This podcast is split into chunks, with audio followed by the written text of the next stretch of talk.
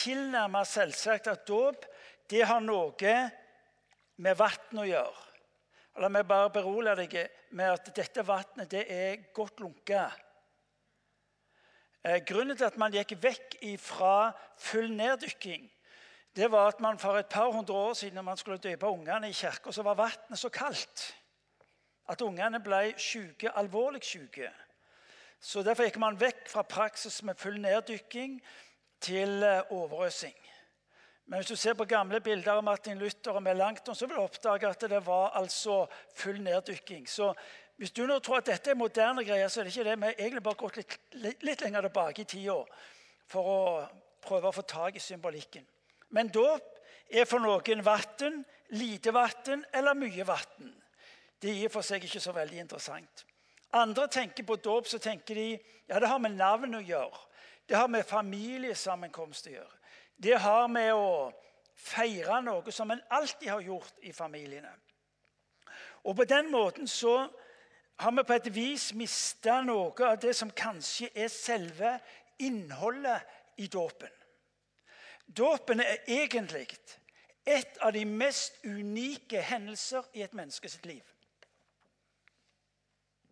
Dåpen representerer noe av det mest nådefulle som et menneske kan få lov til å oppleve i sitt liv. Derfor er vi også opptatt med dette innenfor vår forståelse av kristen tro, at dette må få lov til å starte tidlig.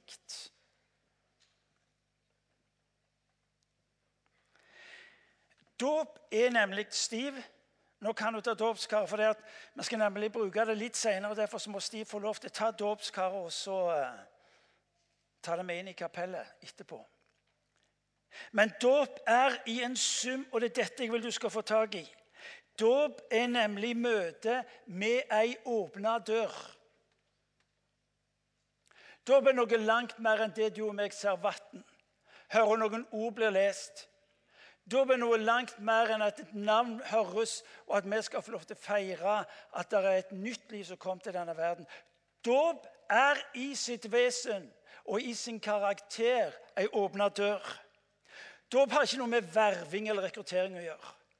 Kirka er ikke først og fremst opptatt med å verve eller rekruttere mennesker. Det er en total misforståelse. Kirka sin oppgave er å hjelpe mennesker til et møte med Gud som mennesker skjønner hvorfor det er i denne verden. Og Det er gyselig viktig for deg å få tak i. Fordi at det er mennesker som går rundt og tror at Kirka er opptatt med å verve. Kirka er ikke opptatt med å verve. Kirka er opptatt med at mennesker skal få øye på at Gud har kommet nær. Så nær at det skal slippe å frykte for livet og for det som ligger foran. Dåp er møte med ei åpna dør. Det er det jeg vil du skal få tak i i dag. Dåp et møte med ei åpna dør inn til Guds hjerte med en Guds bekjennelse at du er min. Du er min. Dåp er tilhørighet. Dåp er fellesskap med Gud Fader, Jesus Kristus og Den hellige ånd. Dåp ble et av de sterkeste uttrykk synliggjøring av en Gud som omfavner. Jeg vet ikke hva som er ditt bilde av Gud. Men for meg blir dåpen igjen og igjen en påminnelse om en Gud som ikke er opptatt med dommen, men som er opptatt med omfavnelsen 'Du er min'. Hvor dåpen er et sted hvor vi tas inn i fellesskap med Han og blir en del av hans liv og den planen han har for våre liv. En liten ting til. Ofte så ble spørsmålet et spørsmål om tro, om å finne Gud. Tro er primært å bli funnet av Gud. Tro er primært å bli funnet av Gud, å bli tatt imot av Gud. Så Altfor ofte så gjør vi spørsmålet til, om dåp et spørsmål om barnet tror. Det som er det grunnleggende, det at det er Gud som møter for å ta imot. Det er dåp. Og det skal få lov til å gi oss en drabelig frimodighet. Døra åpen til hva? Til å få leve med Gud igjen. Fordi mennesket var kalt til å leve med Gud. Mennesket valgte Gud vekk. Vi leser i Bibelen om mennesker som gjør valg, og de valgte Gud ut. Og så høster vi ved å se på den verden vi lever i i dag.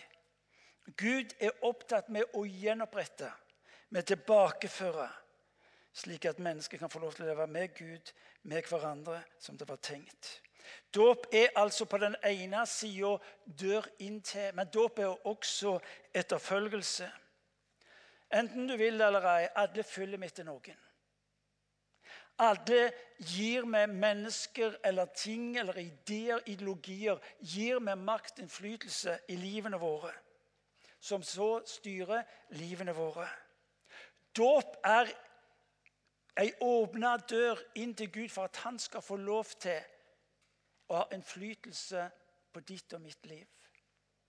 Kanskje tenker du Wow, det høres skremmende ut. Hva kan det bli? Hva slags Gud er det?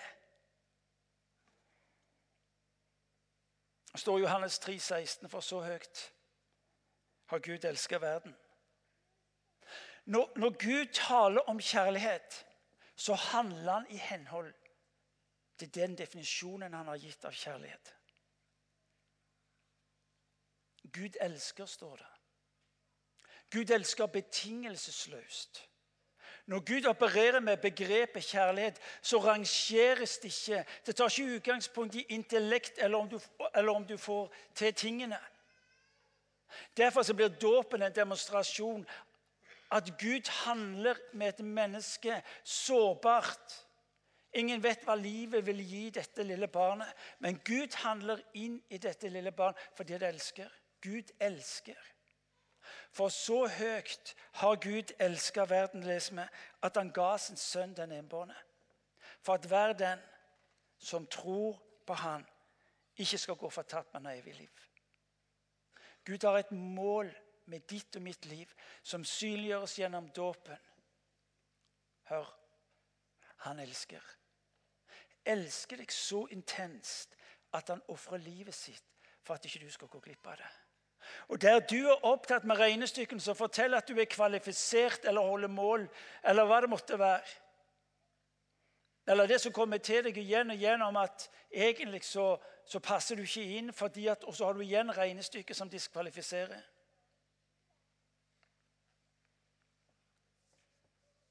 Dåpen blir en påminnelse om at Gud går utenom våre regnestykker. Og så rekker han fram sitt regnestykke. Regnestykket som sier nåde. Regnestykket som sier, 'Vet du hva, jeg kjenner din historie.' Jeg vet hva som ligger foran deg i livet. Men jeg vil du skal vite at jeg elsker. Og så er det det som er det fascinerende. Det står i, i uh, Jesajas kapittel 53 det, I flere hundre år før Jesus blir født, så leser vi i en av de gamle profetskriftene så leser vi om profeten som får lov til å se fram. Og Hva er det profeten får lov til å se fram imot? Han får lov til å se fram imot det som er Guds brennende hjerte at han igjen må få lov til å nå mennesket med sin kjærlighet. Og så leser vi om prisen han betaler. Dette sies altså om Jesu liv 700 år før, han, før det skjer. Så leser vi om Jesus. Sannelig, våre sykdommer tok han på seg, og våre smerter bar han.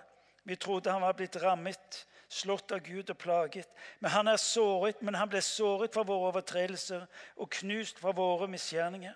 Straffen lå på ham for at vi skulle ha fred, og ved hans sår har vi fått legedom. Denne formiddagen i min kirke minner Gud oss på ved å la oss få del i dåpen, om at han møter deg der du er. For at du skal erfare både med ditt liv og det du ser hindre og stenge deg for å skulle bli en kristen. Eller det du opplever er vanskelig av sorg, av sår, av nederlag, av sykdom. Som uansett hva som er ditt liv, så møter han deg. Det står at han ga sin sønn. Vet du hva det vil si å være en kristen? Det å ta imot det Gud gir. Så enkelt er det. Vi har gjort det der så til tider fortvila vanskelig. Hva vil det si å være en kristen? Det å ta imot. Det å våge det Gud sier på oss og til oss. Altså, Du har hørt litt, du ser det. Dåp er fellesskap. Dåp er relasjon med Gud den allmektige. Men dåp er også begynnelsen på etterfølgelsen. Eh, hvis jeg nå skulle spørre Hildegunn og Elling som sitter her, og så vil jeg spørre ja vel, er dere fornøyde nå?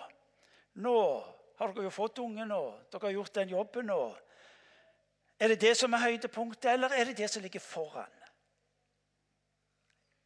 Det som ligger foran. Er det ikke det? Dere som Jo da, det er gøy med fødsel, forresten. Det kan ikke jeg si noe om. Det er det kun en mann som kan si. Um, nei, jeg er enig i det. Jeg var til stede, det vil jeg si. Jeg var til stede, men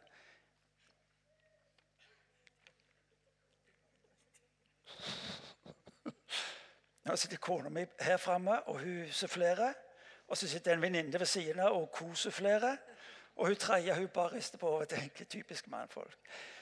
Men hvis vi nå kan se vekk fra alt det der Høydepunktet er jo ikke fødselen. Høydepunktet er jo ikke det som skjer her og Men det er jo det som ligger foran. Ja, så kan du si, ja, men Hva er viktigst, høna eller egget?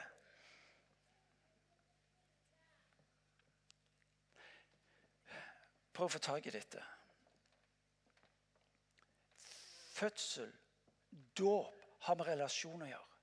Men i relasjonen og i dåpen ligger etterfølgelsen. Det som Gud drømmer om å se i ditt og mitt liv.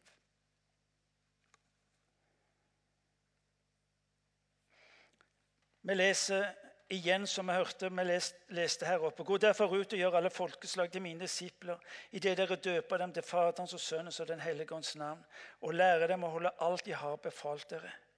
Dåp er brudd med fortida og mottagelse av en ny fremtid. Dåpen er også en påminnelse om at uten Jesus er mennesker fortapt. Avhengighet av noe utenfor oss sjøl er din og min situasjon. Få tak i dette nå. Få tak i dette nå. Gud ønsker at du skal eh, maksimalt lykkes med ditt liv. Gud har ambisjoner med ditt liv. Derfor, dere som nå er foreldre, fadder og vi som menighet, som har lova å være nær dette barnet, hjelpe dette barnet Vi skal altså få lov til å se dette barnet leve et liv i etterfølgelse. Gud har gjort sitt. Nå er det opp til deg og meg. Nå er det opp til oss som foreldre, som fadder og familie og som menighet. På tre plan kort. For det reflekterer så sterkt akkurat i den fasen som Imekirka er, er, er i. Hva er det vi skal få lov til å se i etterfølgelsens tegn? Jo, vi skal hjelpe dem inn i Guds godhet. Når vi ser dåpen og hører ordene, så ser vi for oss begynnelsen på en vandring hvor barna skal få lov til å erfare Guds godhet hvor foreldre og venner skal få lov til å hjelpe dem inn i en erfaring av Guds godhet. Men ikke bare hvor de gjør en erfaring av Guds godhet for sitt eget liv, men gir det videre. Hvor de tidlig som, som barn skal få lov til å leve i denne fenomenale dynamikken. På den ene sida erfare og bli bevisst på dette Guds godhet. Og jeg skal få lov til å gi det videre. Det er det ene. Ta de inn i Bibelen og Ordet i den verden som er Guds verden. Det står i, i uh, ordspråken om at å binde Guds ord om halsen, alltid ha det for øye. Fordi at Guds ord er det stabile i livet vårt. Når du og meg er usikre, når du og meg opplever at tingene går på vrenge, så vil Gud alltid henvise til hva var det jeg sa til deg. Ta inn det jeg sier til deg. Og så er det ordet som blir plattformen i livet vårt. Men vi ser også som det tredje Eh, erfaringen av Guds rike i all sin kraft og velde. Hør, Å bli en kristen er ikke kjedelig. Når du leser evangelieberetningene, hvordan i all verden kan vi ende opp med å tro at det var kjedelig å være sammen med Jesus? Av en eller annen grunn så har vi gjort kristentro til ei teoretiske greie. Du skal få lov til å leve i verdens mest fenomenale dynamikk. Var erfare hans godhet. Igjen og igjen ble minnet om hvem han er og hvem han ønsker å være i ditt liv, og hva du skal få lov til å bety for andre mennesker sitt liv. Men du skal også få lov til å erfare et Guds rikes nedslag inn i denne verden.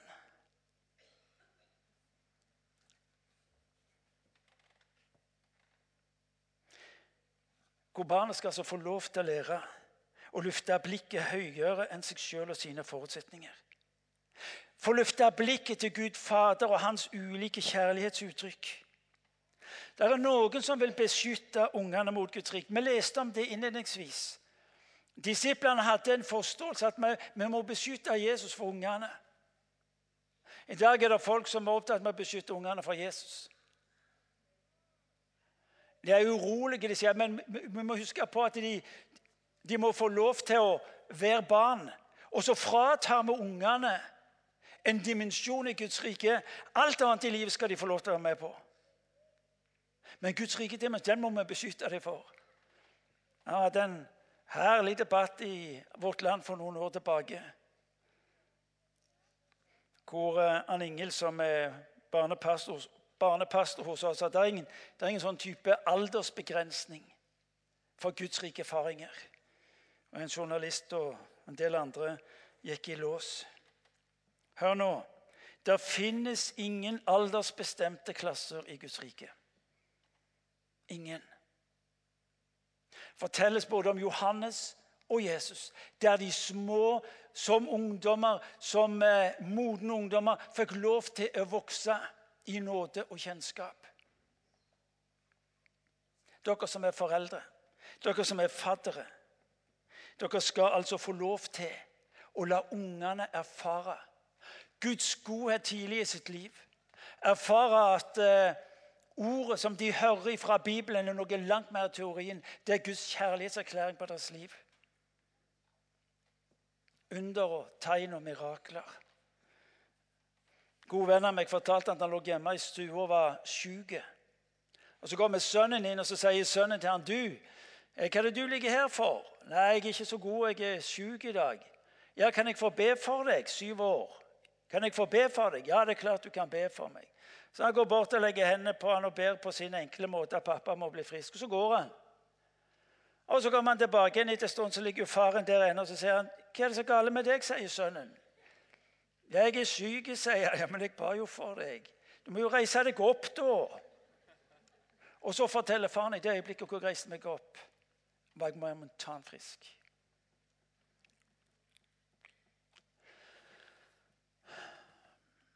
Det står faktisk et sted i Bibelen at, du blir, at om, om, du ikke blir som barn Du og mitt med våre filtre. Du og meg med alle våre motforestillinger.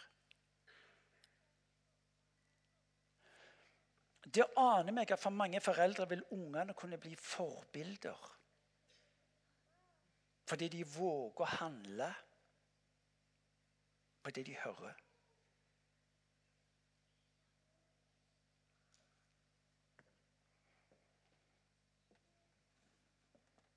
Når mennesker kommer inn på helbredelsesrommet annenhver lørdag her inne i kapellet vårt Mange mennesker kommer med ulike livssituasjoner.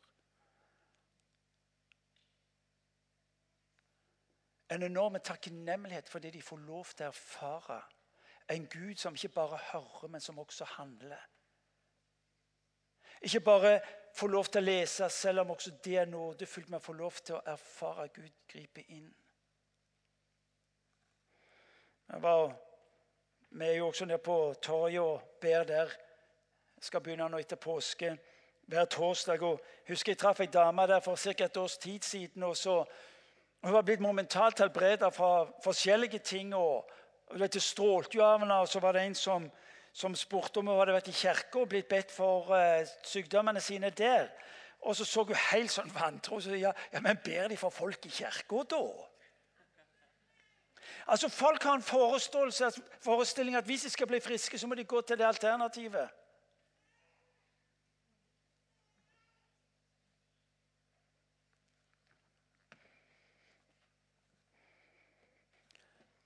Det er godt mulig vi skulle lære enda mer av ungene, for de er helt uproblematiske i sitt møte med det som har med Guds rike å gjøre. Hør nå. La ungene få se. La de få lov til å erfare og forstå som barn, og de vil huske det som voksne. Vi har mange av ungene her i huset. Det var ikke mye de skjønte, men de forsto det var noe som var på gang. Eh, noen kom til meg og sa du, du, du må ikke holde ungene vekk. Ungene må få være en del av det som skjer når Gud handler. Jeg er veldig opptatt med at vi måtte skille litt, så ikke ungene møtte ting som de kanskje ikke helt forsto. Hvorfor i all verden skal vi være opptatt med at vi skal forstå alt? Her en gang til. La de få se. La de få lov til å erfare og forstå som barn, og de vil huske det som voksne. Dere hørte vi leste i teksten. Gå ut i all verden. Disipler. Lære de alt. Det står alt i Matteus 28. Til oss alle. Du er kalt til etterfølgelse av Jesus Kristus. Du er kalt etterfølgelse. Det er en som har sagt jeg fortell meg hvem du henger sammen med. Jeg skal fortelle deg hvem du blir. Det er noe der. Hvorfor? For at du òg skal få lov til å erfare Guds godhet, er tilgjengelig i ditt liv. Kanskje du, har du stilt deg ut forbi dette som har med Jesus å gjøre og kirka å gjøre.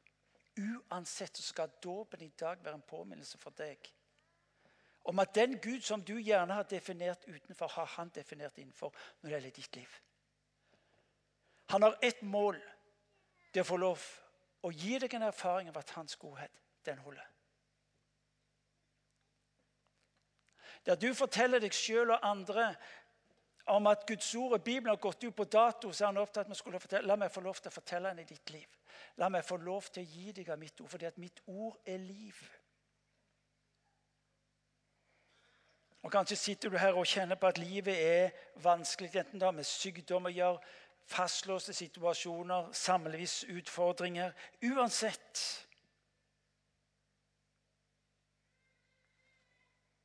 Han inviterer deg inn for at han kan få lov til å handle i ditt liv. Det står 'holde alt'.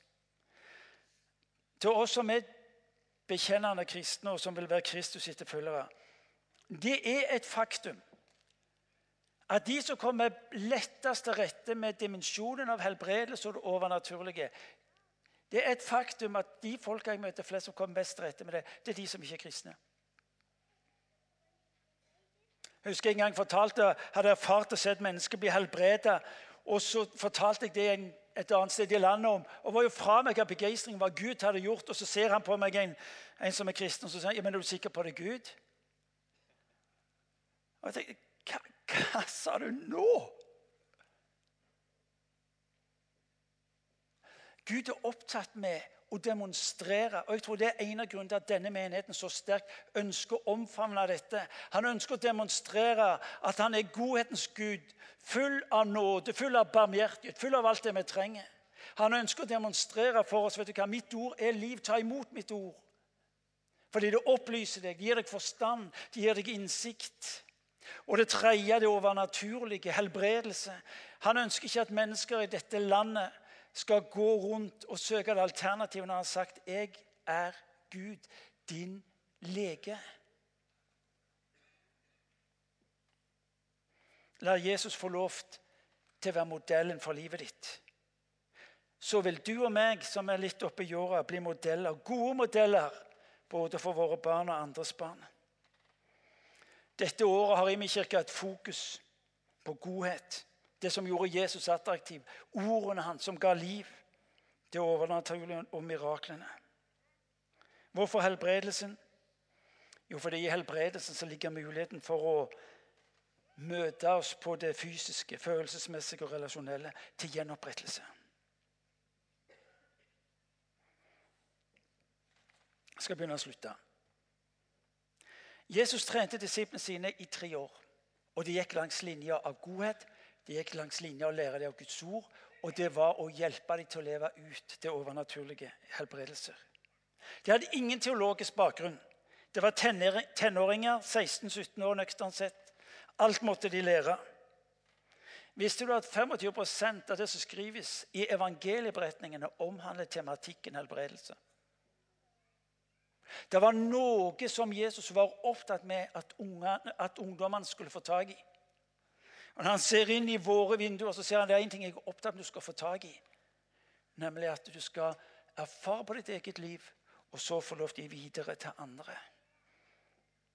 Han kalte til seg sine tolv disipler, tenåringene altså. Ga dem makt til å drive ut urene ånder og helbrede alle sykdommer og plager. Han sier videre når dere kommer inn i en by og de tar imot dere, så spis det de setter fram for dere. Helbred de syke som er der, og si Guds rike er kommet nær til dere.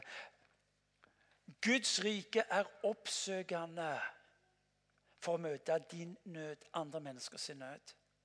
Dåpen er en påminnelse om en Gud som har kommet nær, og som er oppsøkende, og som ønsker å bety en forskjell.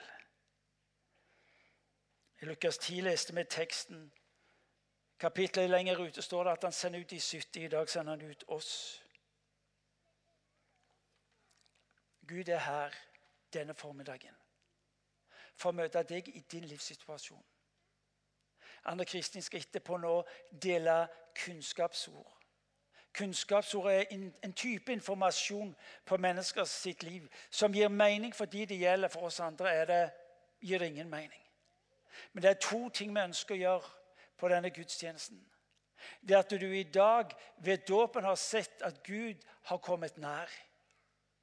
For at du skal erfare relasjonen og fellesskap med Han. Men han har også kalt deg til en etterfølger hvor han også vil berøre ditt liv med det du trenger. Enten det er fysisk eller av eh, psykisk, eh, emosjonell eller det måtte være livssituasjonen han ønsker betyr en forskjell inn i ditt liv. Det står i 2. Mosebok kapittel 34 at 'jeg vil la mitt nærvær gå med deg'. Det er ingen i min kirke som kan helbrede, men vi kan helbrede fordi at Gud er her. Og han har sagt at der hvor to eller tre er samla i mitt navn, der skal jeg være midt imellom dere.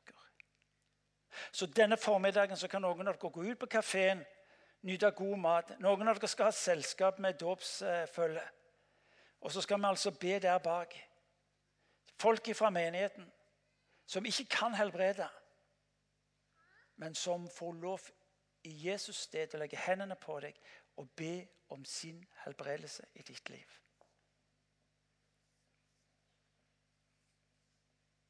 La meg avslutte. For ca. to år siden hadde vi besøk av på barnearbeidet ei jente som kom fra Asia. Hun var innom på besøk. Og Så spør lederen er det noen som er syke som jeg kan få lov til å be for. Og Så kommer denne jenta fra Asia fram en 10-11 år og har vondt i ryggen. Og etter som jeg er blitt fortalt, hadde en eh, rygglidelse, kronisk rygglidelse. Og så spør eh, eh, hun som er leder, det noen av dere barn som ønsker å være med og be for henne. Så kommer det fram to guttinger på 10-11 år, og så legger de hånda på henne, forsiktig på henne og så ber de en enkel bønn. Den dagen gikk hun helbreda fra Imi kirke. Hør nå. Vi ønsker ikke å beskytte ungene våre for det som er Guds godhet. Vi ønsker ikke å beskytte ungene våre fra det fenomenale som ligger i Guds ord. Vi ønsker ikke å beskytte ungene våre for å bli en del av et liv som har betydning, som har innflytelse, og som er til så stor velsignelse for andre mennesker. La oss be. Herre Jesus Kristus, takk fordi du kom oss nær, så nær, at ingen av oss skulle ha anledning til å definere oss utenfor. Herre, du ser mennesker som sitter her og som er usikre på hele greia med deg. For Jeg ber du skal komme til dem der de er. La de erfare din godhet. Gi dem mot på å invitere deg inn i sitt liv. Gi dem mot, Herre, på å gå sammen med deg. Herre, du ser også de imellom oss som kanskje ga opp. Orka ikke mer. Ville ikke mer, Herre. Jeg ber du skal komme til dem, den enkelte. La dem erfare. Som du en dag kom til dem i dåpen, kommer du også til dem nå. Der de har gitt opp, har du ikke gitt opp. Så jeg ber far, om at du skal forløse mellom oss en ny av din kraft, Herre, slik at mennesker kan bli helbredet. Menneskeliv kan bli gjenopprettet. Og mennesker kunne få lov til å fullføre det vakre du har for den enkelte av oss. Herre, i ditt navn, Jesus, er det vi ber. Amen.